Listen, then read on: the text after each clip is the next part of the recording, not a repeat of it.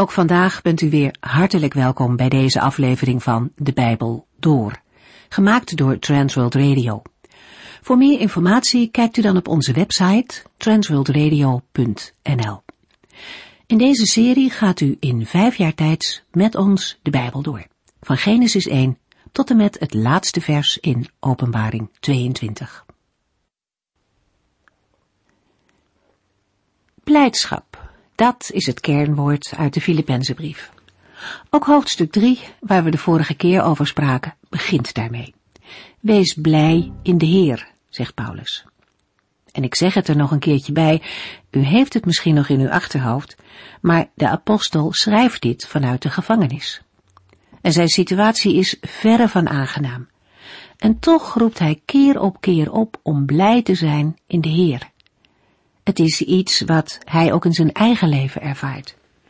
De blijdschap waar Paulus over praat is een innerlijke blijdschap, die losstaat van de omstandigheden. Die vreugde, die blijdschap wordt niet veroorzaakt door een prettig en een makkelijk leven, integendeel zou ik bijna zeggen. Het heeft niets met geld of gezondheid te maken, maar die blijdschap heeft alles met God te maken. God geeft een vreugde die niet afhankelijk is van de situatie. De basis ligt in God zelf. Het zeker weten dat Hij onze schuld vergeven heeft, dat Hij bij ons is. Dat is de reden van de blijdschap van Paulus. En geen mens kan dat van hem afnemen. In Nehemia staat, de vreugde van de Heere is uw kracht. En dat is hetzelfde soort blijdschap. Dat maakt mensen sterk, ook in tijden van zorgen en beproeving. Want deze teksten betekenen niet dat er geen verdriet kan zijn in het leven van een christen, of dat we altijd maar vrolijk over alles moeten zijn. Nee, dat zou te goedkoop klinken. En zo was het ook niet in het leven van Paulus. Nog maar vier versen eerder vertelt hij dat hij zo dankbaar is dat God Epaphroditus genezen heeft, opdat, en nu komt het, ik niet droefheid op droefheid zou hebben. Paulus wist dus heel goed mee te praten over verdriet. Het is hem niet bespaard gebleven. Maar zijn blijdschap in de Heere raakte hij niet kwijt. We lezen nu verder in Filippenzen 3 vanaf vers 7. In de vorige uitzending hebben we stilgestaan bij de waarschuwingen van de apostel Paulus om niet op de verdienste, afkomst en inspanningen van een mens zelf te vertrouwen. In de brieven van Paulus is gerechtigheid of rechtvaardigheid voor God een centraal thema. Het ziet op het beantwoorden aan de voorschriften en wetten van de Heer. Naar de uitwendige maatstaf gemeten, niet in absolute zin, was Paulus, volgens de gedachtegang van de Fariseeën, onberispelijk. De voorrechten die hij in Filippenzen 3 vers 5 heeft opgesomd, waren naar de maatstaven van de fariseeën reële voorrechten. Maar de apostel had na zijn bekering ontdekt dat al die dingen hem geen voordeel hadden gebracht. Hij schrijft in Filippenzen 3 vers 7, maar al deze dingen, waar ik vroeger zoveel waarde aan hechtte, zijn voor mij waardeloos geworden, omdat ze mij afhielden van Christus. Binnen de Joodse godsdienst zijn de genoemde zaken in vers 5 het horen bij de fariseeën, de ijver en gerechtigheid naar de wet, voor Paulus tot eer en voordeel. Maar al deze dingen zijn voor mij waardeloos geworden, omdat ze mij afhielden van Christus. De woorden waar ik vroeger zoveel waarde aan hechtte, zijn voor mij waardeloos geworden, zien op een gebeurtenis in het verleden met gevolgen voor het heden. Het gaat zeker om de ommekeer in het leven van Paulus tijdens de reis naar Damascus, toen de Heer Jezus Christus hem is verschenen. Daar heeft Paulus ontdekt dat al de dingen waar hij vroeger zoveel waarde aan hechtte, hem in de weg stonden om de door Jezus Christus verworven werkelijke gerechtigheid voor God te ontvangen. Die ontmoeting met Jezus Christus op de weg naar Damascus was de reden en oorzaak van Paulus' bekering. Nu vertrouwt Paulus met heel zijn hart op de Heer Jezus Christus. In vers 9 schrijft hij: Ik reken er niet meer op dat ik het met God in orde kan maken door het houden van allerlei wetten. Paulus vertrouwt nu op Christus.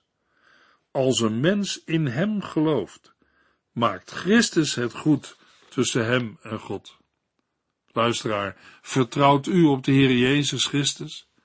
Heeft Hij het ook voor u goed gemaakt?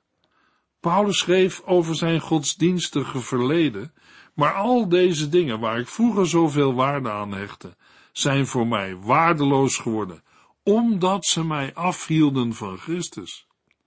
Ook vandaag kan dat de ervaring van mensen zijn met betrekking tot het geloof en de dingen die zij daarover van huis hebben meegekregen.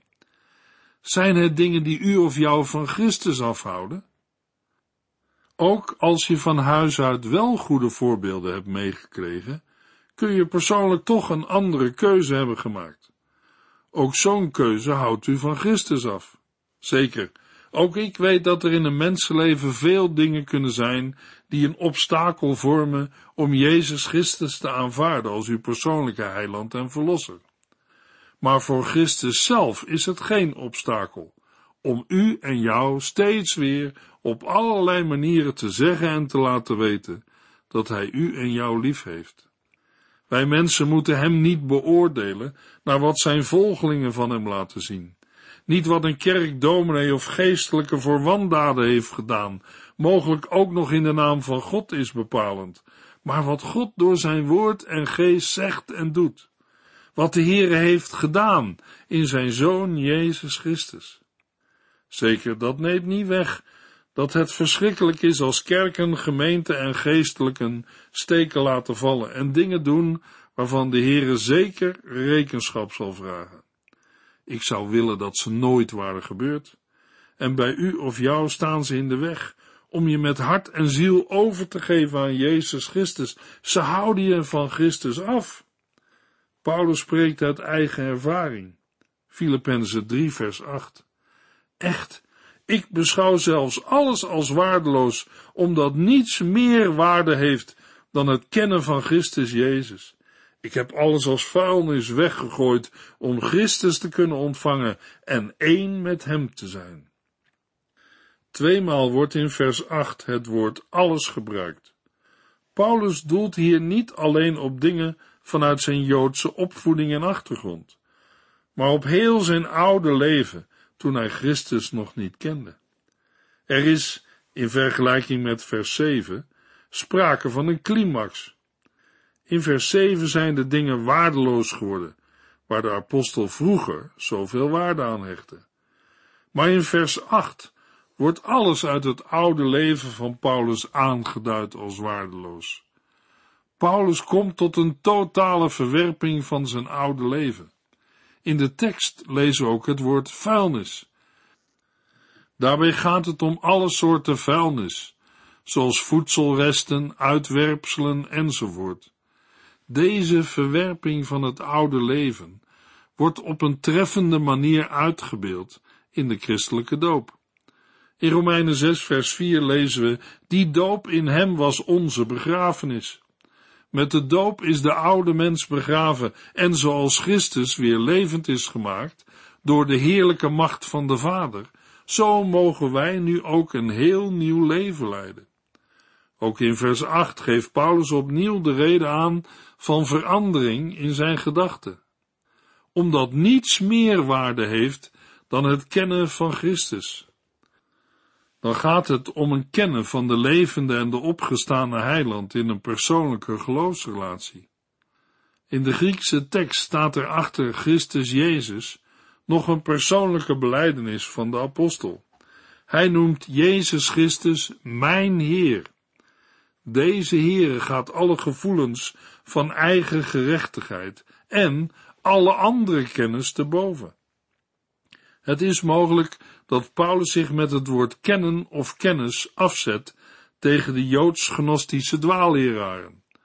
Paulus zegt echt kennen of echte kennis is een relatie met Jezus Christus. Het kennen van Christus is de werkelijke winst, waarbij al het andere als verlies wegvalt. Jezus zegt in Matthäus 16, vers 26, Wat hebt u eraan de hele wereld te winnen en uw leven te verspelen? De bekering van Paulus was geen bevlieging, een gebeurtenis van een moment of een bepaalde periode. Het woord bekering is een verandering van denken en leven. Paulus heeft maar één verlangen. Ik heb alles als vuilnis weggegooid om Christus te kunnen ontvangen en één met hem te zijn. Johannes 15 vers 4 en 5 geeft Jezus aan zijn volgelingen door, blijf dicht bij mij, dan blijf ik in jullie. Net zoals een rank alleen maar vrucht kan dragen als hij aan de wijnstok zit, kunnen ook jullie alleen maar vruchtbaar leven als jullie in mij blijven. Ik ben de wijnstok en jullie zijn de ranken. Als jullie in mij blijven en ik blijf in jullie, brengen jullie veel vrucht voort. Want zonder mij kunnen jullie niets doen. Filippenzen 3 vers 9 Ik reken er niet meer op dat ik het met God in orde kan maken door het houden van allerlei wetten. Nee, daarvoor vertrouw ik nu op Christus. Hij maakt het goed tussen God en ons, als wij maar in Hem geloven. In vers 9 komen de twee soorten van gerechtigheid, het in orde maken met God, scherp tegenover elkaar te staan. De zelfverworven gerechtigheid door het voldoen aan de voorschriften van de wet en de gerechtigheid die God schenkt door het geloof in Christus. Paulus heeft alles prijsgegeven, opdat hij bij het oordeel van God rechtvaardig bevonden zal worden in Christus. Door het houden van allerlei wetten kan een mens niet behouden worden. De wet was gegeven als opvoeder totdat Christus kwam. De werkelijke gerechtigheid die van de Here komt, komt door het geloof van Christus. Dat wil zeggen door zijn gehoorzaamheid. Deze gerechtigheid wordt toegerekend aan hen die geloven in Jezus Christus, die in hem zijn. Gerechtigheid van de Here wordt ontvangen op grond van het geloof in Christus, door op hem te vertrouwen, en niet op grond van goed gedrag, verdiensten of door het houden van allerlei wetten. Luisteraar, laat Filippenzen 3 vers 9 uw gedachten gaan bepalen. Christus Jezus nam onze zonde op zich. Hij stond op uit de dood voor onze rechtvaardiging. Zonder zijn verzoening kunnen we niet voor de Heere verschijnen. Het feit dat de eeuwige God, de Vader van onze Heer Jezus Christus, ons lief heeft en zijn Zoon voor ons heeft overgegeven, is de verbazingwekkendste gebeurtenis uit de geschiedenis van de mensheid. Filippenzen 3 vers 10 en 11 Het enige wat ik wil, is Christus kennen en ervaren, hoe groot de kracht is, waardoor Hij uit de dood is opgestaan. Ik wil ervaren wat het betekent om met Hem te lijden en te sterven, om uiteindelijk te komen tot de opstanding uit de dood. De versen 8 tot en met 11 vormen in feite één lange zin. We kunnen vers 10 dan ook aanvullen met Ik heb alles als vuilnis weggegooid om Christus te kennen. De kracht waardoor hij uit de dood is opgestaan, is de kracht waarmee God de Vader de Heer Jezus uit de doden heeft opgewekt. Diezelfde kracht is nu al in de gelovigen werkzaam en zal ook hen uit de dood doen opstaan. Christus kennen houdt in het ervaren van de opstandingskracht, maar heeft ook tot gevolg dat de gelovigen zullen lijden om de naam van Christus. Maar delen in het lijden van Christus betekent ook delen in de verheerlijking van Christus. Wij moeten bij het lijden en de dood niet alleen denken aan vervolgingen en het sterven als martelaar, maar ook aan een steeds intensere gemeenschap met Christus, waarin het oude leven steeds meer afsterft. Dit lijden en sterven met Christus wordt in de doop tot uitdrukking gebracht, maar is in de praktijk een levenslang proces. In vers 10 sprak Paulus over het heden. In vers 11 gaat het over de toekomst. voor de vertaling om uiteindelijk te komen, staat in de Griekse tekst of ik misschien mag komen. Met het woordje misschien zegt Paulus niet dat hij er onzeker over is of hij de opstanding uit de doden wel zal bereiken. In Filippenzen 1 vers 20 tot en met 26 heeft de apostel duidelijk gemaakt dat het verreweg het beste is om deze wereld te verlaten om bij Christus te zijn. Paulus' tegenstanders beweerden de volmaaktheid al bereikt te hebben. Daarom drukt Paulus zich voorzichtig uit. Er is nog een hele weg te gaan. En de volmaaktheid komt pas bij de opstanding. Vandaar de vertaling om uiteindelijk te komen tot de opstanding uit de dood. Paulus beklemtoont de werkelijkheid van een toekomstige lichamelijke opstanding. Tegenover de joods-gnostische dwaalleraren is dat nodig. Deze Joodse gnostici ontkenden de lichamelijke opstanding bij de wederkomst van Christus. Zij beweerden dat de menselijke ziel langs de weg van de gnosis, van de kennis, al in dit leven kon komen tot volmaaktheid en een mystieke eenwording met God. Paulus wijst die gedachte in Filippenzen 3 vers 11 af en zegt, het enige wat ik wil, is Christus kennen en ervaren hoe groot de kracht is, waardoor Hij uit de dood is opgestaan. Ik wil ervaren wat het betekent om met Hem te lijden en te sterven, om uiteindelijk te komen tot de opstanding uit de dood. Paulus is niet van plan met zijn handen over elkaar te gaan zitten. Hij wil Christus nog beter leren kennen en zijn grote kracht ervaren in de werkelijkheid van iedere dag. Het is onmogelijk om de Heilige Geest, die in en door Paulus heen werkt, op non-actief te zetten. Door het geloof in Christus Jezus heeft een gelovige een nieuwe motivatie gekregen, een nieuw doel, een nieuwe stijl van leven. Uit het leven van een gelovige zal dat blijken en ook te zien zijn. Het is immers een verschil van licht en duisternis. Wat eens een fanatieke fariseer was, gedreven door een ijveren voor de wet, is nu een wedergeboren kind van God, geleid door de Heilige Geest. Filippenzen 3 vers 12 Daarmee wil ik niet zeggen dat ik er al ben, of dat ik al volmaakt ben, maar ik blijf wel doorgaan, om eens te kunnen grijpen, waarvoor ook Christus Jezus mij gegrepen heeft. Paulus spreekt zich niet duidelijk uit over wat hij nog niet gegrepen heeft. Maar we kunnen denken aan de volmaakte kennis van Christus, of de volledige uitwerking in zijn leven van het lijden, het sterven en de opstanding van Christus. Ook met deze woorden stelt de apostel zich op tegenover de dwaalleraren. Zij meenden nu al de volmaaktheid te kunnen bereiken en hadden daarom ook geen opstanding uit de doden meer nodig. Paulus zegt, ik blijf wel doorgaan om eens te kunnen grijpen, waarvoor ook Christus Jezus mij gegrepen heeft. De apostel Paulus hoorde in ieder geval niet bij de gearriveerde mensen die alles al weten en er ook al zijn.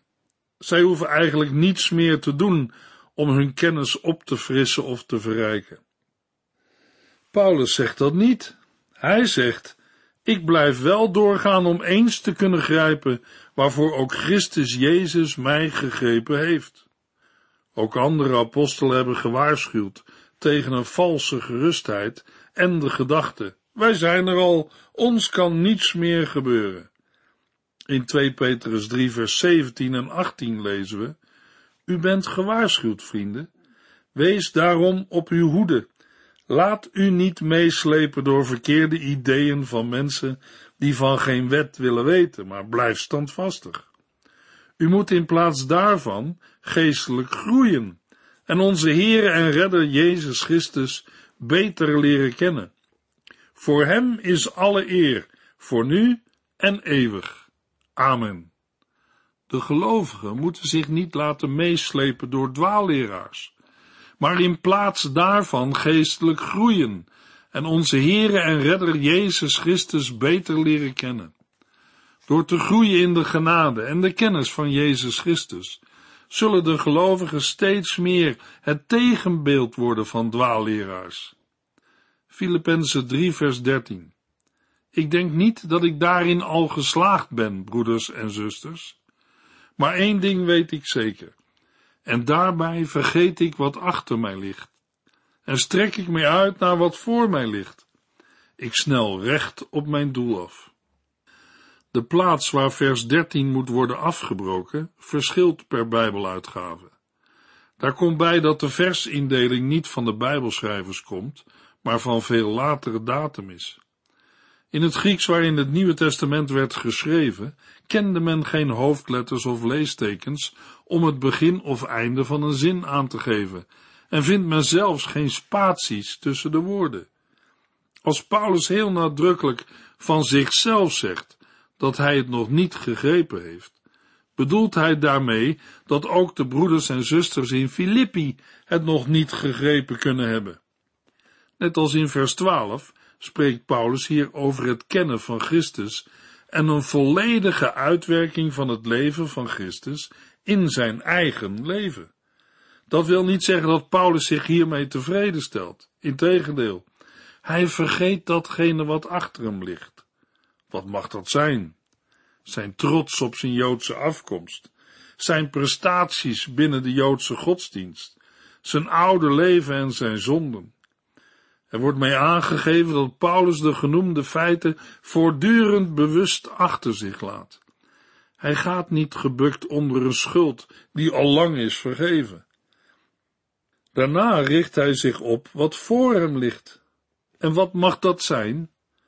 Een nog diepere kennis en gemeenschap met Christus. Een toenemende heiliging door de kracht van Christus en tenslotte de verwachting van een lichamelijke opstanding uit de doden. De woorden die Paulus gebruikt wijzen op een voortdurende activiteit.